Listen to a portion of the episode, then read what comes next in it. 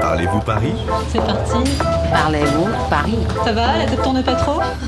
Parlez-vous Paris?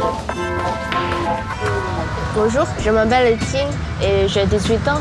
Je trouve que Paris, c'est une ville très belle. et J'aime bien ici, mais seule chose que j'aime pas, c'est qu'il pleut beaucoup, comme aujourd'hui. J'aimerais savoir euh, comment les Parisiens organisent le rendez-vous dans la journée. សួស្តីមិត្តអ្នកស្ដាប់ទាំងអស់គ្នាពេលនេះខ្ញុំកំពុងនៅជាមួយជីងសិស្សវិទ្យាល័យជនជាតិចិនជីងចង់ដឹងថាអ្នកនៅប៉ារីនេះគេរៀបចំកាលវិភាគប្រចាំថ្ងៃរបស់គេរបៀបម៉េចឥឡូវនេះពួកយើងកំពុងនៅក្នុងក្រុមហ៊ុនសេវាកម្មជំនួយការផ្ទាល់ខ្លួនមួយឈ្មោះថា l'agence VAP Bon, alors, vas-y, dis-moi un petit peu où tu en es là. ឥឡូវនេះដល់ម៉ោងគេប្រជុំនិយាយគ្នាពីការងារដែលត្រូវធ្វើប្រចាំថ្ងៃ Et euh, concernant le dossier Pôle emploi, donc on a refait le calcul pour le quota des 507 heures. D'accord. Et euh, il y a aussi à déclarer la nounou. ចាតគាត់ធ្វើការជាអ្នកជំនួយការម្នាក់គាត់កំពុងតែសរុបការងារត្រួសត្រាសប្រាប់លោកស្រី Sefati ដែលជានាយកនៅទីនេះ D'accord, très bien. Donc tu t'en sors là Oui, oui, T'as pas- j'avance petit à petit. T'as pas besoin d'aide ចាតគាត់ត្រូវទទួលបន្ទុកលក់ឡានមួយឲ្យភ្ញៀវម្នាក់ហើយត្រូវរៀបចំឯកសារទៅចៅក្រមហើយត្រូវប្រកាសពន្ធឲ្យបុគ្គលិកស៊ីឈ្នួលមើលកូននៃគេទៀត Très bien. Bon, bah, c'est une bonne journée aujourd'hui. C'est cool. On est bien organisé, non Bon, bah tout roule. Emmanuel ក៏សម្បូរឯកសារត្រូវចាត់ចែងដែរ Pouvez-vous nous présenter une journée Alors aujourd'hui, moi j'ai une, euh, un client médecin qui a retrouvé dans son cabinet tout un tas de documents. Donc je suis à la recherche de documents bancaires, des documents liés aux impôts, et des contrats, des échéanciers. Et donc j'espère euh, retrouver la trace de ces documents dans... គាត់ត្រូវចាត់ចែងរកឯកសារប្រកាសពន្ធនិងឯកសារធនាគារ des documents bancaires របស់ការិយាល័យវិជ្ជបណ្ឌិតម្នាក់ Et il faut prendre rendez-vous par quel service pour vos clients Qu'est-ce que nos clients peuvent nous demander? Alors, parfois, il arrive qu'on prenne des rendez-vous chez les médecins ou un rendez-vous chez le coiffeur. Ou même là, on a une anecdote un peu rigolote. On a un client qui a un chien. Et donc, on organise le toilettage du chien, euh, les promenades du chien. Voilà, enfin, des choses comme ça. នៅស្រុកបារាំងនេះចង់ទៅណាធ្វើអីក៏ត្រូវណាត់ជាមួយគេទុកមុនដែរឧទាហរណ៍ពេលយើងចង់ទៅពិនិត្យជំងឺនៅផ្ទះពេទ្យ chez le médecin ឬពេលយើងចង់ទៅហាងកាត់សក់ chez le coiffeur សូម្បីតែយើងចង់យកឆ្កែទៅមុជទឹកសម្អាតរោមវាក៏ត្រូវណាត់ជាមួយហាងគេមុនដែរ Et en fait, comme on est quand même là pour rendre service, on dit peu souvent non. Autant faire plaisir, quoi. Faire plaisir aussi. Rendre service et faire plaisir.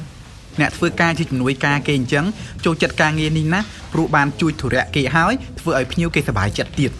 Et j'aimerais savoir pourquoi euh, en France il faut prendre euh, le rendez-vous. C'est vrai que nous, on a un rapport au temps qui est différent. C'est-à-dire que les gens n'aiment pas attendre. Comme ça, la journée est organisée, c'est planifié, on a une vision des choses, je sais pas, c'est peut-être rassurant. ជនជាតិបារាំងមួយថ្ងៃមួយថ្ងៃគេរវល់ណាស់មានការងារត្រូវធ្វើច្រើនមែនទែនហើយមានសកម្មភាពច្រើនណាស់អញ្ ចឹងហើយបានជាគេត្រូវរៀបចំកាលវិភាគរបស់គេនោះឲ្យបានច្បាស់លាស់ Même si euh, je prends un rendez-vous avec un médecin et quand j'arrive il faut attendre encore.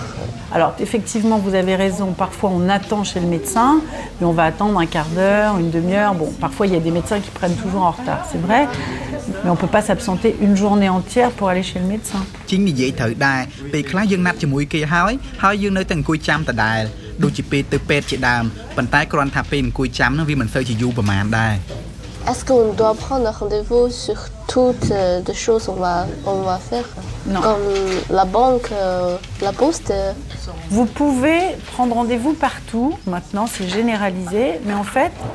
vous pouvez aller à la banque sans rendez-vous, vous pouvez aller à la poste sans rendez-vous, vous pouvez aller à la préfecture sans rendez-vous, vous pouvez aller partout sans rendez-vous, d'accord À vos risques et périls. C'est-à-dire que là, vous risquez d'attendre longtemps. ប៉ុន្តែមានកន្លែងខ្លះយើងមិនបាច់ណាត់គេទុកមុនក៏បានដែរដូចជានៅធនាគារនៅប្រៃសណីយ៍ឬក៏នៅមន្ទីររដ្ឋបាល à la préfecture Donc maintenant, ce qu'ils proposent dans toutes les administrations, c'est que vous preniez rendez-vous. Comme ça, vous êtes sûr, puisque vous avez téléphoné, que vous vous êtes mis d'accord avec la personne que vous voulez rencontrer, que vous serez prise en priorité. Et ceux qui n'ont pas pris rendez-vous, eh ben, attendront. ប៉ុន្តែបើយើងបានណាត់ជាមួយគេទុកមុនក៏ល្អដែរព្រោះថាបើយើងអត់ណាត់ទេពេលខ្លះគេឲ្យយើងអង្គុយចាំយូរណាស់ Jing, tu penses qu'en Chine on aurait besoin d'assistants personnels Ah, en fait, en Chine, euh, tu peux aller directement et attendre pour quelques minutes. ជីងថាបើនៅស្រុកចិនវិញគេមិនដែលណាត់មិនដែលអីអញ្ចឹងទេទៅដល់កន្លែងចាំបន្តិចទៅគេហៅចូលជួបហើយប៉ុន្តែស្រុកចិនផ្សេងស្រុកបារាំងផ្សេង តែនៅស្រុកណាយើងទម្លាប់តាមគេទៅដោយពាក្យចាស់ពោលថាចូលស្ទឹងតាមបត់ចូលស្រុកតាមទេស